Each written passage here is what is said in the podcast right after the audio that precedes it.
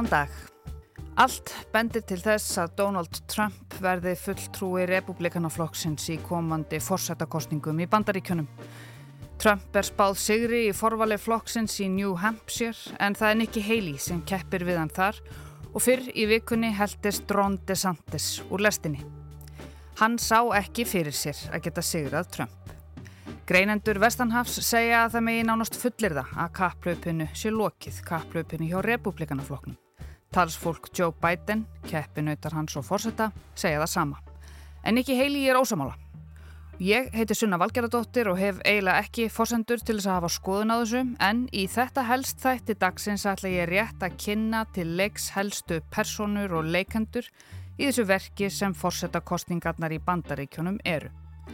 Byrjum á nokkrum hljóðbrótum úr ræðum núverandi fórseta, Joe Biden, sem Sky sjónvarstöðin í Ástralíu tók saman. Og þessi hljóðbrót tega að sína að Biden sé kannski orðin aðeins of gamall, hann er orðin sá elsti til þessa, til þess að stjórna valdamesta ríki í heimi. We also need Ukraine to make changes to fix the broken immigration system here. We also need Congress Þarna rugglaðist Biden á hlutverki Úkrænu sem hann sagði fyrst að þetta laga hefði laskaða innflytjandakerfi bandaríkjana. Thank you. Look, uh, we're going to alternate asking questions. We're going to ask a total of each ask two questions. And I will ask the first question. Uh, I will ask, I will recognize the first question asker. Hér er Biden að tala um spurningar, að hann spyrji fjölmiðla eða þeir hann eða eitthvað. But we know this year's Hanukkah is different. It's been 65 years since the deadliest day of the Jewish people since the Holocaust. 65 years. Þetta var bara um daginn. Þá saði Biden tvísvar að það væru liðin 65 ár frá árás Hamas á Ísrael. Árásinn var gerð 7. oktober 2023. Biljón, triljón, 300 miljónir dollara sem er ekki upphæð í alvörni. And all the studies show, by the way, get from, people get from point A to point B faster on a train than their car, Hér bendir bætin á að rannsóknir síni að lest sé hraðari en bíl frá A til B og fólk taki lestina. Los Angeles and, uh, and uh, um, uh, um, Eh, Los Angeles og svo bara datan út. Og svo er það þetta með gladlegri tónlist undir því að hann er jú að tala til barna. We have this notion that somehow if you're poor you cannot do it. Poor kids are just as bright and just as talented as white kids. Sumi segja að fátækt fólk geti bara minna. En fátæk börn eru alveg af gáfuð og hvít börn. Wealthy kids, black kids, Asian kids. Börn, svart börn, asísk börn og svo framvegis. Allt í fína þetta var svona brota því versta. En svo er nefnilega annað líka. Já, það er svona svolítið náðist í gegn líka þess að það er svona ára af bætin eða þú veist ekki bara ára, þú veist hann er bara svona þú veist þegar hann hérna hvernig hann ber sig og talar oft og svona maður er bara svona þú veist eh, eh, á þessi maður ekki bara frá að taka rólega og ég er eitthvað annað Já, og hann hefur svo sem gert, að hann veitir færri viðtöl mm -hmm. og nógan viðtöl og það er búið að svona reyna að tóna niður mm -hmm. það sem er, bara óhjákvæmilega er álag á mhm. manna þessum aldri Já. en það, sko það breytir því ekki að hann hefur verið ótrúlega öflögu fórsiti í, í, í rauninni, mm -hmm. ef þú bara reynir að horfa einhvern veginn bara á, á tölur og gjörðir sko. Þetta eru þar heiða Kristín Helgadóttir og Hulda Þóristóttir að ræða bæten í vikulokkunum fyrir í mánuðinum. Hulda, sem er prófessor í stjórnmálafræði, læriði í bandaríkunum og þekkir vel til pólitíkurinnar þar. Sko, efnæðslífið stendur ótrúlega stert í bandaríkunum núna. Það hefur bara alltaf því verið kraftaverk í mhm. gangiðar undanfærin arfa ár það er að vísu, en sko það eru hækkanir og eitthvað svona sem fólk finnur fyrir og kannski bara dæm út frá því, en sko atvinnustíð til dæmis, veist, það er ná, bara mjög lítið atvinnuleysi og svo framvegist það er rosalega margt sem gengur vel en ef þú spyrð fólkið á gödunni að það óanætt með stöðu efnagasmála og það er svo merkjöld, þannig að skilabóðin er ekki að komast í gegn og það er náttúrulega bara eins og með allt annað í þessu landi, þessi vonda staða sem er komin upp í þessu gamla landi mínu að hérna að fólk, þú heyrir ekki skilabóðin sem mm. koma frá andstæðingunum. Þau bara, þau komast ekki í gegn. Og þú hefur ekki áhuga að hlusta og, og að heyra.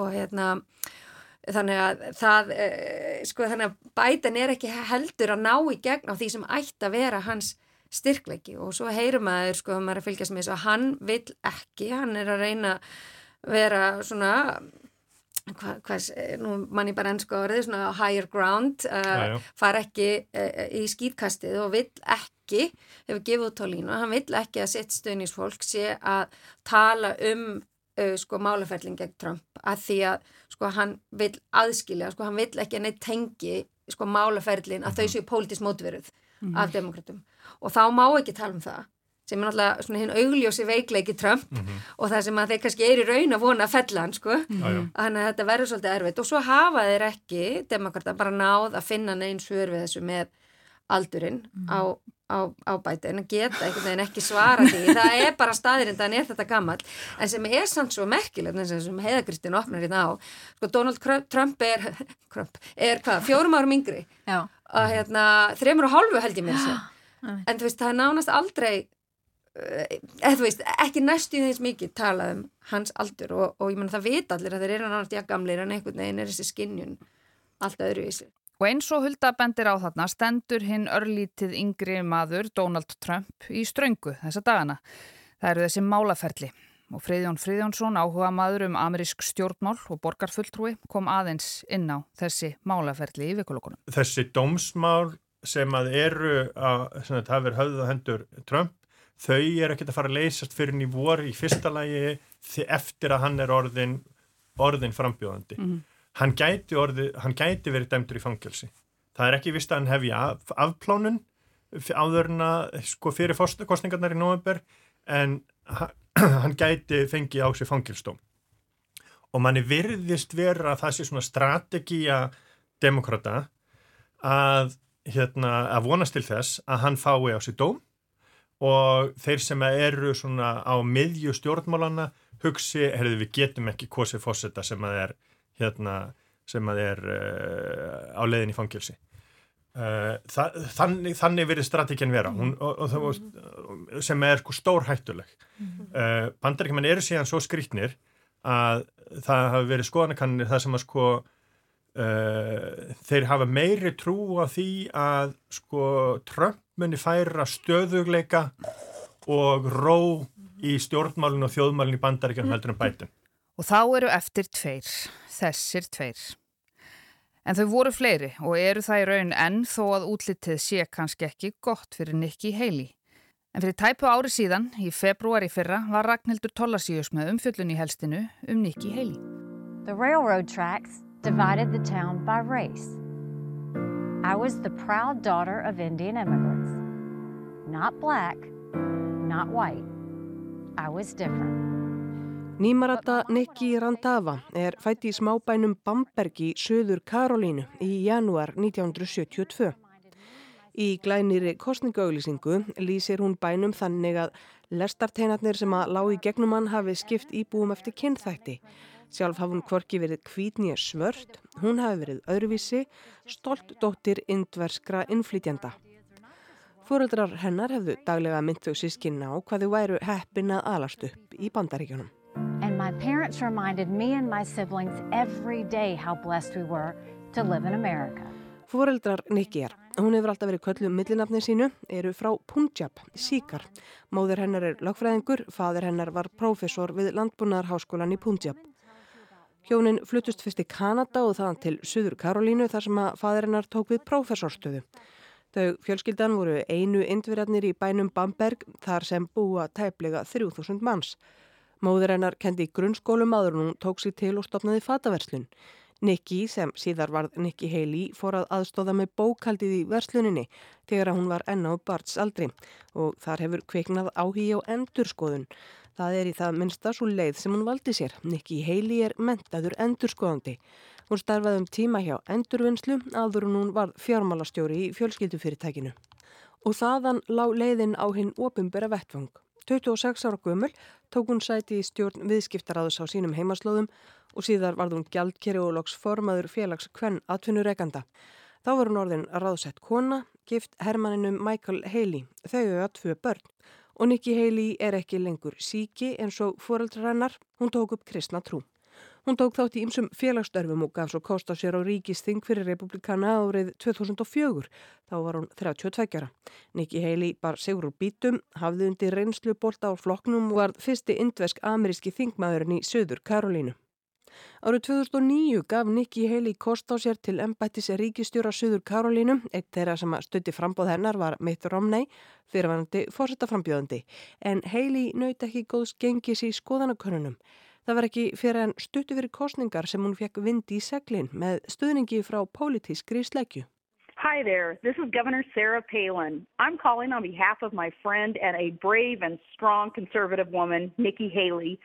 Sjálf Sarah Palin, fyrirverandi ríkistjóri í Alaska og var að fórsæta efnið John McCain lísti yfir stuðningi við Haley. Þetta er upptaka úr sjálfvirkri útringingu eins og týðkast í bandaríkjónum af einhverjum undarlegum ástæðum. Nikki is a strong, pro-life, pro-business, conservative reformer and she isn't afraid to take on the entrenched powers.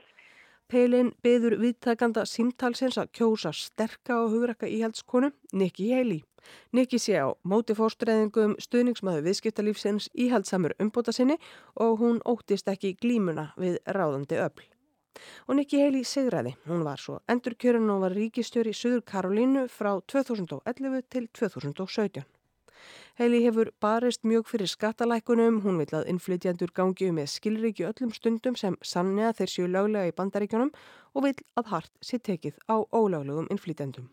Hún segir að það sé komin tími til að ný kynnslóð taki við völdum í Washington og hún undirstrykkar í kostningauðlýsingu kynferði sitt á áhugaverðan hátt.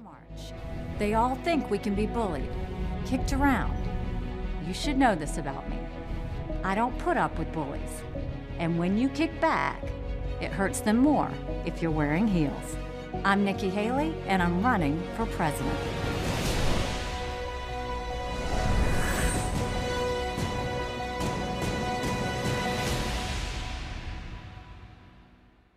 Nikki Haley er ekki þekktust fyrir að vera ríkistjóri í Suður Karolínum. Heldur það að Donald Trump fyrir um bandaríkjafórsiti gerði hann að sendi herra bandaríkjana gagvart saminuðu þjóðanum.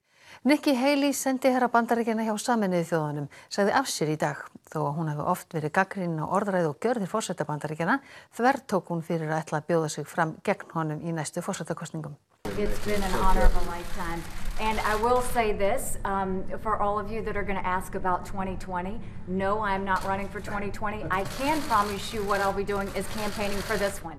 Svona var staðan í februar í fyrra en í gær flyktust kjósendur republikana flokksins á kjörstaði í New Hampshire og Haley tapaði. Hún óskaði Trump til hamingi með sigurinn en hvaðast ekki ætla sér að leggja árar í bát. Hún saði löngun demokrata til þess að glíma við Trump verst, geimda lendarmál bandarískra stjórnmála og hvaðast fyrir fram vongóð um að geta stöðvað sigurgöngu Trumps en hann sigraði samt með yfirburðum í forvali flokksins í Iowa fyrir umri viku síðan. Framundan er forval í ríkjum þar sem Trump er talin eða sigurinn nokkuð vísan og Joe Biden segir örugt að þeir Donald Trump keppi um fórsetta ennbættið. Biden segir að því liggi mikið við og staðhæfir að kjósendum berið að hafa í huga að frelsið sjálft og líðræði í bandaríkjunum sé í húfi. En talandi um frelsið, Ron DeSantis, ríkistjóri Flórida, tilkynnti síðasta vor að hann ætlaði að hjóla í Trump og verða fórsetta efni republikanum flokksins, fórseti bandaríkjana. DeSantis var líklega frægastur fyrir andstuðu sína gegn sóttvörnunum í COVID en svo gerðan alls konar annað líka, andstaða hans við baróttu hins einn fólks, fór líka vel í flokkin eða hluta hans og frelsistal hans allt og föðurlands ást eða rasismi, það fyrir eftir í hvernig maður lítur á það, fjall sömuleiðis vel í kramið hjá mörgum. Eða komunum að minnstakosti í fyrirsagnir. Good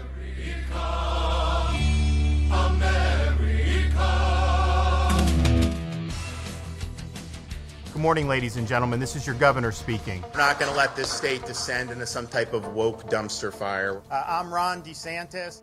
Frambóðstilkynning DeSantis fór fram í beitni útsendingu og Twitter síðasta vor með Elon Musk í brotti fylkingar og varðrendar öll hið vandraðalegasta mál sökum tækni örðuleika og fleiri ágalla og í byrjun vikunar byrtan myndband auðvitað á Twitter sem heitir reyndar núna X. More campaign stops, more interviews I would do it.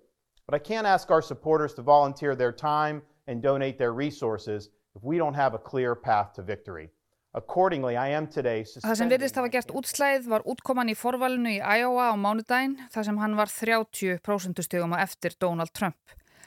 Og eins og hann orðaði það sjálfur, í tilkynningunni þá sá hann enga skýra leið að því að sigra í forvalinu og lísti hann jafnframt yfir stuðningi við Donald Trump sem fórseta efni. En Trump hefur verið mjög gaggrinninn á DeSantis í baráttunni sem þótti vera merki um að hann teldi ríkistjóran vera skæðan keppinut. Og Trump kann nefnilega ímislegt meðal annars að sigra. Mér finnst það bara furðulegt í þessu stóra og mikla ríki að það sé ekki hægt að finna betra manual heldur en þessa tvo hérna, hrumu menn sko. Þannig að það verist vera bara ekkert sem fær Trump til dæmis stöða svona að fljóta litið, þú veist býðum og sjáum hvað setur. En í byli sláum við botnin í þetta, við höldum að sjálfsögða áfram að fylgjast með framvindunni í aðdraanda kostingana í fyrir heitna landinu verstan við okkur. Ég heiti Sunna Valgeradóttir og hafi umsjón með þetta helst í dag. Takk fyrir að leggja við hlustir og við heyrumst aftur á morgun.